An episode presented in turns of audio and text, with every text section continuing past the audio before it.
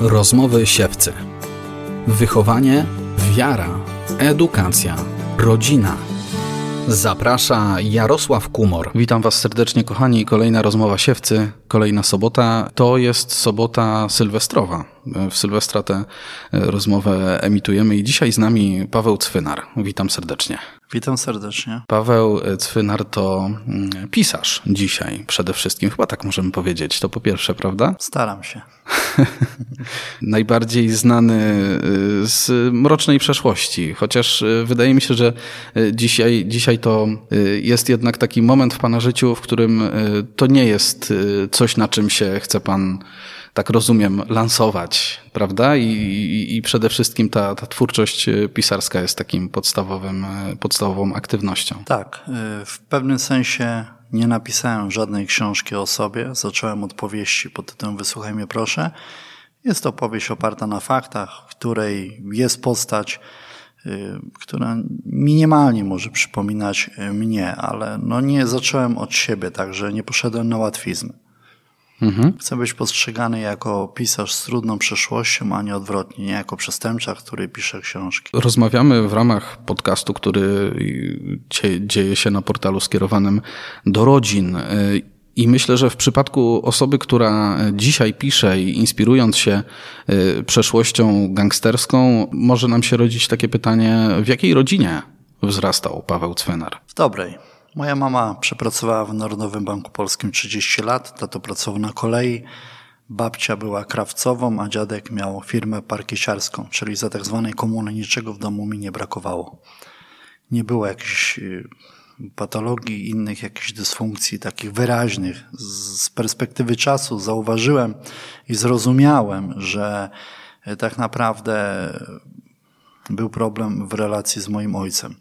Ojciec y, widział we mnie sportowca, często stawiał mi wymagania. Ja byłem najlepszym sportowcem w mojej szkole, dla której zdobyłem wiele nagród, pucharów i wtedy czwórbu był moją pasją życiową i ojciec przez ten pryzmat mnie postrzegał. Mimo, że jeździliśmy razem na ryby, chodziliśmy do lasu, na grzyby, na spacery, mm, to jednak to, była, e, to było jedno takie zaburzenie, gdzie ja wstydziłem mu się powiedzieć, że mam problem kiedy awansowałem do szkoły zawodowej, tamtejszy nauczyciel od WF-u okazał się nie być zainteresowany moimi dotychczasowymi osiągnięciami sportowymi. No ja nie potrafiłem poradzić sobie z adrenaliną, a znowu ojcu, ojcu wstydziłem się o tym powiedzieć i zacząłem szukać ujścia tejże adrenaliny po swojemu. A to było tak, że z tatą miał pan e, poza takim sportowym kontekstem życia e, relacje na takiej zasadzie jakby jednak szczerej rozmowy? Nie. To były czasy, gdzie zazwyczaj rodziców nie było w domu. Przeważnie wszyscy y, pracowali jakby nad wyraz ciężko. Każdy stał się, starał się zarobić na, na kolorowy telewizor, na jakieś auto, żeby czymś się poruszyć i tak dalej. W sklepach niczego nie było, więc y, te, te kolejki nieustanne i babcia prowadzała mnie w te kolejki, ja stałem, takim byłem staczem nieletnim. No i, i w sumie w tą stronę to wszystko podążało i sport był jakimś moim takim okienkiem na inny świat, pozwalał mi zdobywać jakieś tam nagrody, y, których na przykład w sklepach nie było, jakieś buty takie sportowe czy coś, więc ja byłem całkowicie na to ukierunkowany, zresztą byłem w tym dobry. I niestety tutaj myślę, że ojcu zabrakło trochę wyczu wyczucia i, i przez to zrodziło się takie zaburzenie, że, że ta relacja była taka stricte męska. Ja byłem w sumie dzieckiem i myślę, że to było takim powodem, że później wstydziłem mu się powiedzieć o swoich kwestiach takich głęboko indywidualnych, że mam właśnie problemy z emocjami, z adrenaliną, że nie potrafię gdzieś tego skanalizować. Kiedy słuchamy tego i, i wiemy, i wiemy o tym, że jest za panem przeszłość y, przestępcza, wydaje się to proste y, zejście schodkami w dół, można powiedzieć. Tak, tak to możemy widzieć, że, że to był jakiś taki punkt początkowy pewnej drogi, w której wierzchołkiem góry lodowej tutaj jest taka właśnie działalność gangsterska przestępcza? Dzisiaj z racji, z perspektywy czasu, kiedy na to wszystko patrzę, z perspektywy doświadczenia tego, że odwiedzam zakłady poprawcze, wychowawcze, domy dziecka, szkoły, widzę, że to jest bardzo duży problem i ten problem jest na dzień dzisiejszy tak samo aktualny, ponieważ wielu rodziców właśnie w pogoni za dobrami materialnymi y, patrzą na swoje dzieci jednym okiem, czyli siedzi w pokoju, tam w telefonie coś grzebie, coś tam robi. I tak samo było u mnie. W moim przypadku, kiedy odwiedzam poprawczaki, e, wychowawcy, pedagodzy mówią do mnie, e, panie Pawle, tu podjeżdżałem pod nasze zakłady piękne samochody. To nie są e, małolaci, którzy są z jakichś rodzin można powiedzieć, z jakichś takich mocno porozbijanych. To są na pierwszy rzut oka dobre rodziny, ale tutaj czegoś zabrakło. Zabrakło tego kontaktu takiego dorosłego, zrozumienia. I tak samo było u mnie. Ja zamykałem pokój.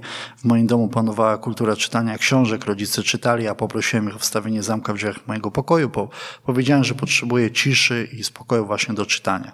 Zamykałem wieczorami drzwi, otwierałem okno, mieszkaliśmy na parterze, wychodziłem przez okno i na ulicy szukałem wrażeń, szukałem mm, tego, by zaradzić sobie z tą adrenaliną. Tam szybko wpadłem właśnie w złe towarzystwo, przełamałem takie bariery etyczno-moralne do tego, żeby dokonywać pierwszych przestępstw, ponieważ w sumie na początku to tam koledzy mnie namówili, gdyż w domu mi niczego nie brakowało, więc ja nie musiałem gdzieś tam e, grabić, żeby, żeby żyć. Ale właśnie tutaj ta adrenalina odegrała kluczową rolę. Przełamałem się, zacząłem dokonywać przestępstw, w wyniku których pierwszy raz trafiłem do zakładu poprawczego jako siedemnastolatek. Przepraszam, 16 lat miałem. 16 lat trafiłem do poprawczego, w którym byłem rok czasu ta moja demoralizacja postępowała błyskawicznie i nawet dzisiaj, jak odwiedzam te miejsca, również to są miejsca, które demoralizują. To nawet nie chodzi o to, że jest zły wychowawca, zły nauczyciel czy pedagog. Nie chodzi o to. Chodzi o to, że jest za mało personelu. Ci ludzie po prostu nie radzą sobie i ta młodzież jakby sama sobie tam jakoś. No ale to wszystko wpływa na demoralizację. Ja z poprawczaka wyszedłem po roku czasu z całkowicie innym człowiekiem. Mm.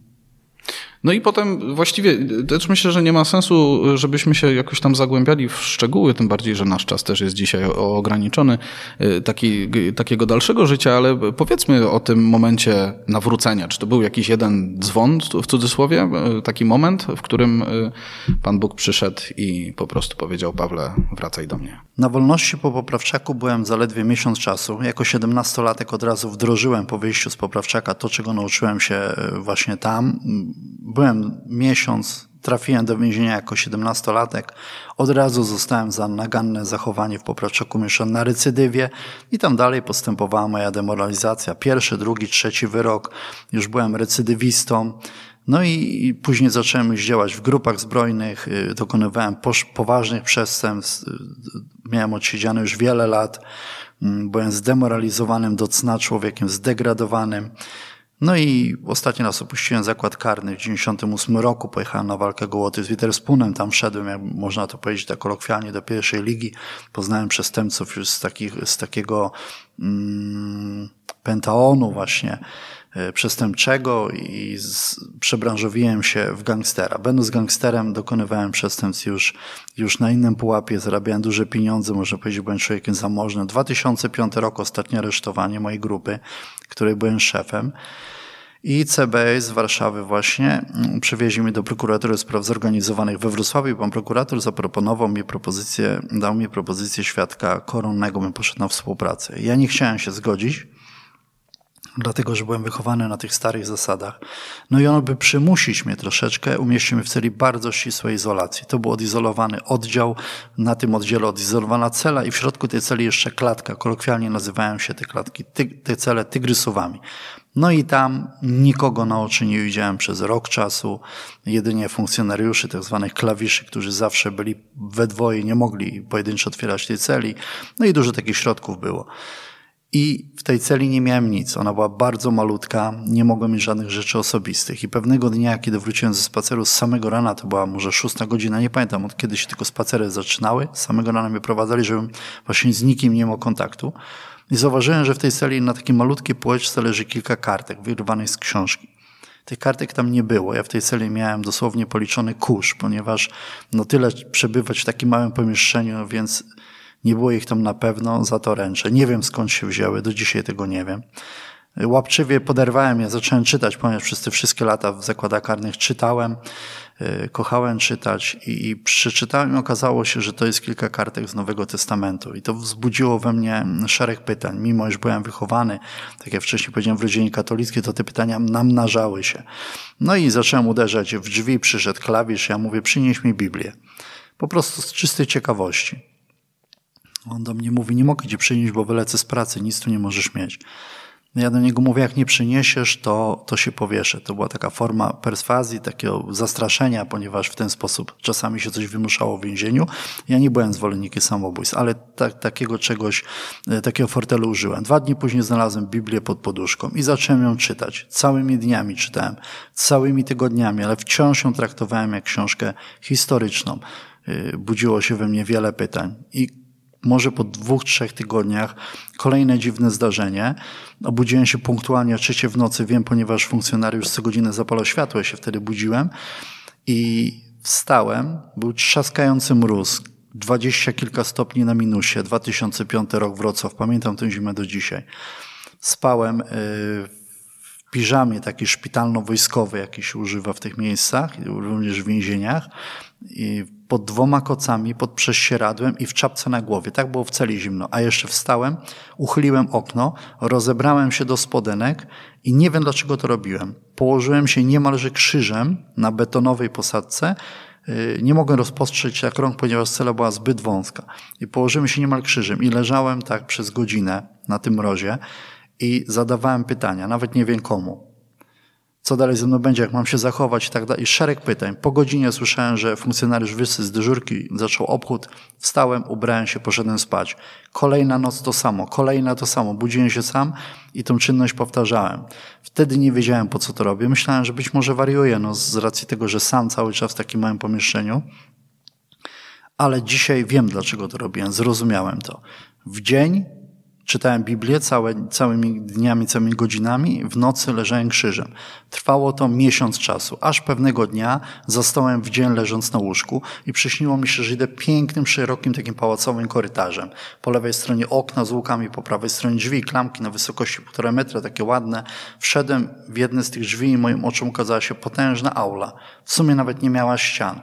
I podszedłem tak jakby na środek i na środku stał malutki więzienny odrapany stolik. Zazwyczaj używaliśmy ich do grania w karty, warcaby. Siedziały przy niej dwie postacie. Z lewej strony w dobrze modnym, skrojonym, takim eleganckim męskim garniturze, dobrze wyglądający młody mężczyzna. Ja widziałem w tym sennej świadomości, że to jest szatan. Z prawej strony w łunie blasku nie widziałem samej postaci, ale miałem przekonanie, że to jest Pan Bóg. I o dziwo Pan Bóg trzymał w ręku talię kart i rozdawał je do gry w pokera. Ja stanowczo twierdzę, że Pan Bóg w pokera nie gra, jednak że zrozumiałem po latach, że ta wizualizacja była na moją potrzebę, bym ja zrozumiał przekaz. Szatan zobaczył, co ma i gestem wypychającym na środek stolika w miniaturze położył różne bogactwa. Widziałem diamenty, pieniądze, jakieś nieruchomości. Pan Bóg nawet nie patrzył i również takim samym gestem fizycznie położył nic. Jednakże miałem przekonanie, że tam jest coś bardzo cennego. I kiedy chciałem wejść do gry, obudziłem się i byłem bardzo rozgoryczony. Zacząłem w tej celi chodzić, krok do tyłu, do przodu. Nie mogłem więcej powiedzieć, taka była mała.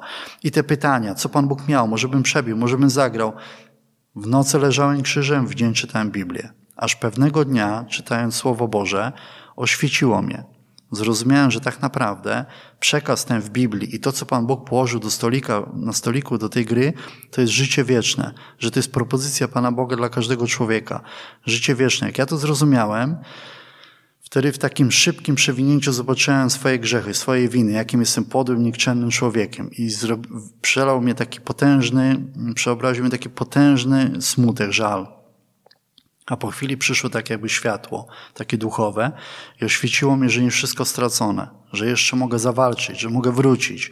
I podszedłem do drzwi, które były takim pierwszym moim konfesjonałem, ołtarzykiem. Klęknąłem i powiedziałem, Panie Boże, wybacz mi moje grzechy, proszę Cię, daj mi szansę, chcę zawalczyć o życie wieczne. Później wale w drzwi przychodzi funkcjonariusz, poprosiłem o kapłana, wyspowiadałem się z całego życia, no i tak wszedłem na drogę nawrócenia. W tej celi przybywałem rok czasu, przeczytałem Biblię, komentarze.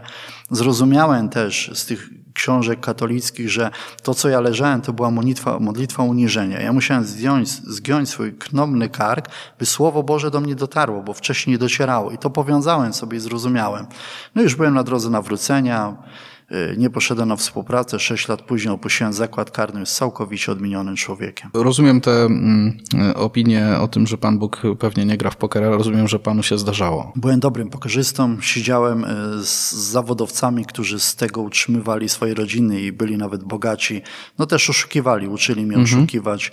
Y, także ten, do, doskonale ten przekaz rozumiałem. No właśnie, nie? Tak. To, to, to, to właściwie tak rozumie się samo przez się. Historia jest fascynująca. Ja myślę, że dla rodziców, którzy nas słuchają, zastanawiające może być to, y, co oni mogą zrobić dzisiaj? Mogą sobie zadawać takie pytanie. Ono pośrednio wynika już z tego, co, co wcześniej Pan powiedział, ale co mogą dzisiaj zrobić rodzice? Co mogli zrobić Pana rodzice, żeby to się nie stało? Przede wszystkim ojciec. Mhm. Dzisiaj na spokojnie, jak to wszystko sobie analizuje, ojciec powinien mieć do mnie nieco inne podejście przede wszystkim rozmawiać, nauczyć mnie szczerej rozmowy, a nie tylko twardej postawy właśnie rywalizacji, a spróbuj to, a spróbuj tamto.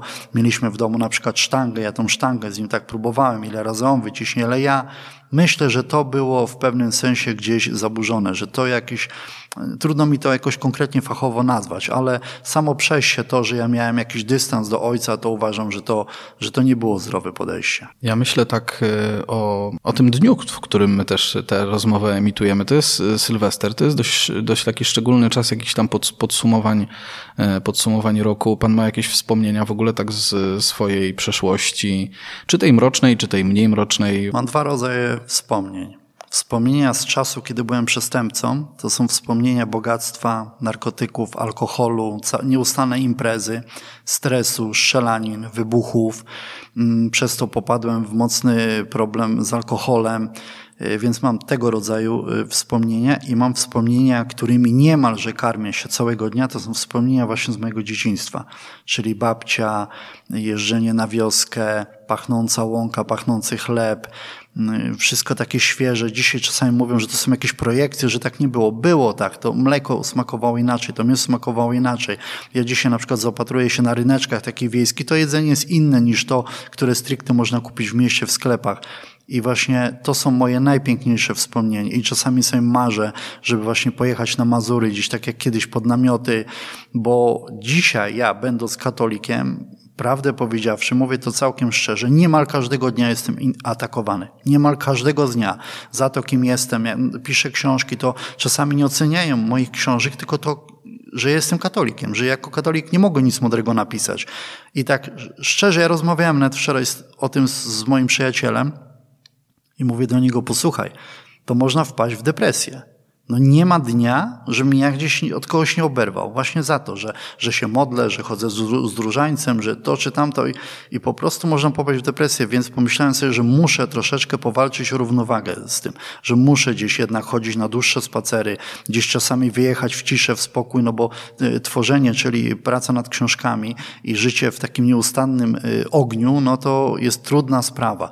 Y, dlatego często chodzę na adorację, siedzę sam w kościele, jak nikogo nie ma, staram się złapać oddech, ale myślę, że tu też trzeba trochę takiego ludzkiego czynnika, czyli właśnie to, że pójść na ryby, przejechać się na rowerze czy coś, trzeba szukać tej równowagi, bo ja nie jestem facetem, który się skarży. Z racji tego, co przeżyłem 15 lat w więzieniach, y, ponad 20 lat po drugiej stronie barykady, można powiedzieć kolokwialnie, że nie jestem mięczakiem ale życie w tym nieustannym stresie naprawdę jest bardzo męczące. Startuje nowy rok. Y, przed chwilą praktycznie została wydana książka Krzyczy do woli rodzice mogą, e, patrząc na jakiś taki zarys fabuły, pewną historię, która za tym stoi, no mogą się złapać za głowę i nawet bać się, bać się przeczytać, bo to jednak nie jest.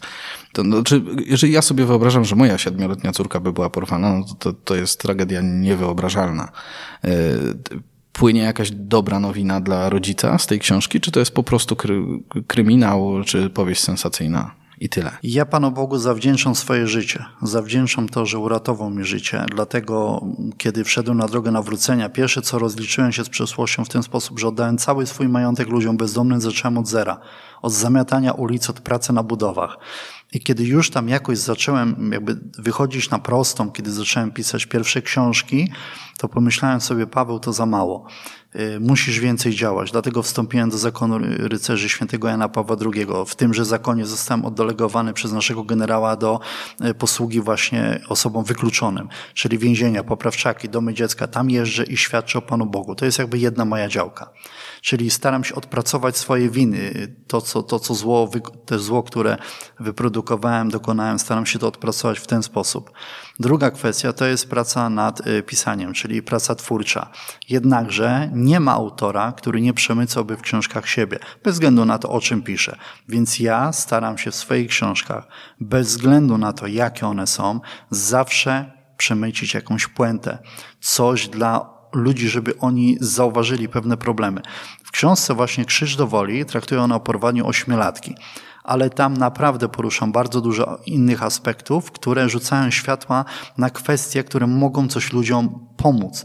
Ja dostałem już dzisiaj kilkadziesiąt recenzji, mimo że książka jest krótko na rynku, ale już dostałem kilkadziesiąt recenzji i prywatnych, bo recenzja od oceny trochę się różni, ale takich ocen od ludzi, od znajomych i oni właśnie mówią, że to było bardzo potrzebne, ponieważ to im otworzyło oczy na kwestie, o których nie mieli jakby pojęcia. Nigdy się nad tym nie zastanawiali. Właśnie opieka nad dzieckiem, jak, dlaczego, którędy, po co. Mm, stawiam, stawiałem sobie te pytania i niektóre wątki poboczne, które dokleiłem do tej historii, ponieważ historia jest oparta na faktach, tak samo jak pierwsza moja książka, wątki poboczne, które dokleiłem, one mają coś wnieść. I gwarantuję, po prostu gwarantuję, potwierdzam to również tymi recenzjami, że tak jest. Dlatego jestem, powiem tak może nieskromnie, yy, zadowolony jestem, że w pewnym sensie mi to wyszło, kiedy te recenzje zaczęły przychodzić. I to jest też taka moja misja, chociaż ona jest bardzo ryzykowna, bo nie mhm. sięgają po y, kryminały osoby, które chcą gdzieś tam yy, odczytywać to jak jakieś pouczenia czy uwagi. Oni szukają tam krwi, jakichś brutalnych przestępstw i tak dalej. Ja staram się trochę tutaj podejmować temat inaczej.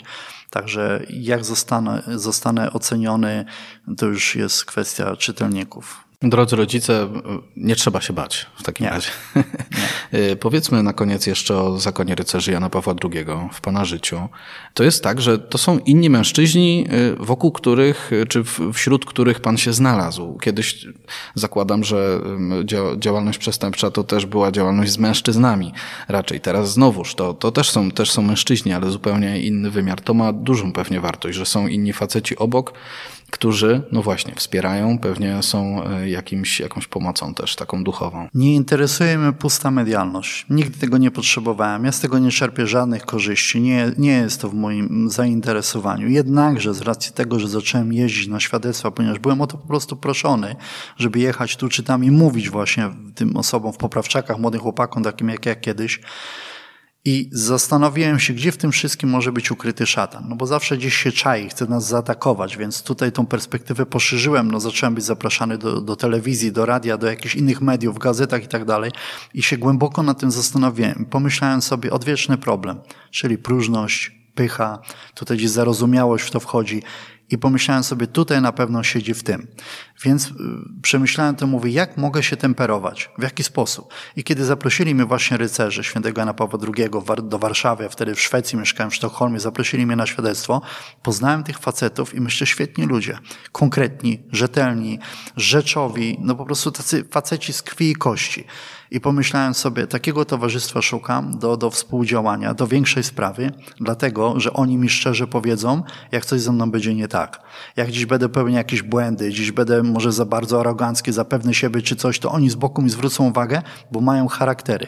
I dlatego generał mi troszeczkę wcześniej już obserwował i kiedy przyjechałem do Warszawy, tu zamieszkałem, to zapytałem się go, no chciałbym do was wstąpić. On mówi, świetnie Paweł, nie ma sprawy, zadziałamy, będziesz odpowiedzialny za właśnie kwestie I kiedy wszedłem do zakonu, jest to dla mnie bardzo dużym honorem. Jest tak, jak myślałem. Czyli spotykamy się razem i rozmawiają po męsku o takich sprawach, które możemy podejmować, o ważnych sprawach i oni mi czasami mówią, czasami mnie chwalą, a czasami zwrócą mi uwagę. Mówią, Paweł, słuchaj, to tak czy tak, a to, to inaczej, a tu dobrze ci to wyszło. Ja bardzo sobie to cenię. Paweł Cwynar dzisiaj był naszym gościem. Dziękujemy ten czas, który mieliśmy przeznaczony na rozmowę, wypełniliśmy aż e, z naddatkiem, także tym, tym bardziej bardzo dziękujemy za e, przyjęcie zaproszenia do rozmowy siewcy i za ten dobry przekaz, myślę przede wszystkim taki o ojcostwie, o tych rodzinnych relacjach, ale też z drugiej strony zapraszamy do tego, żeby zagłębić się, zobaczyć książki e, pana Pawła, kochani. I na dzisiaj to już wszystko. Z Panem Bogiem pozdrawiamy. Dziękuję również z Panem Bogiem. Rozmowy siewcy dostępne są na naszym portalu siewca.pl oraz w serwisie Spotify.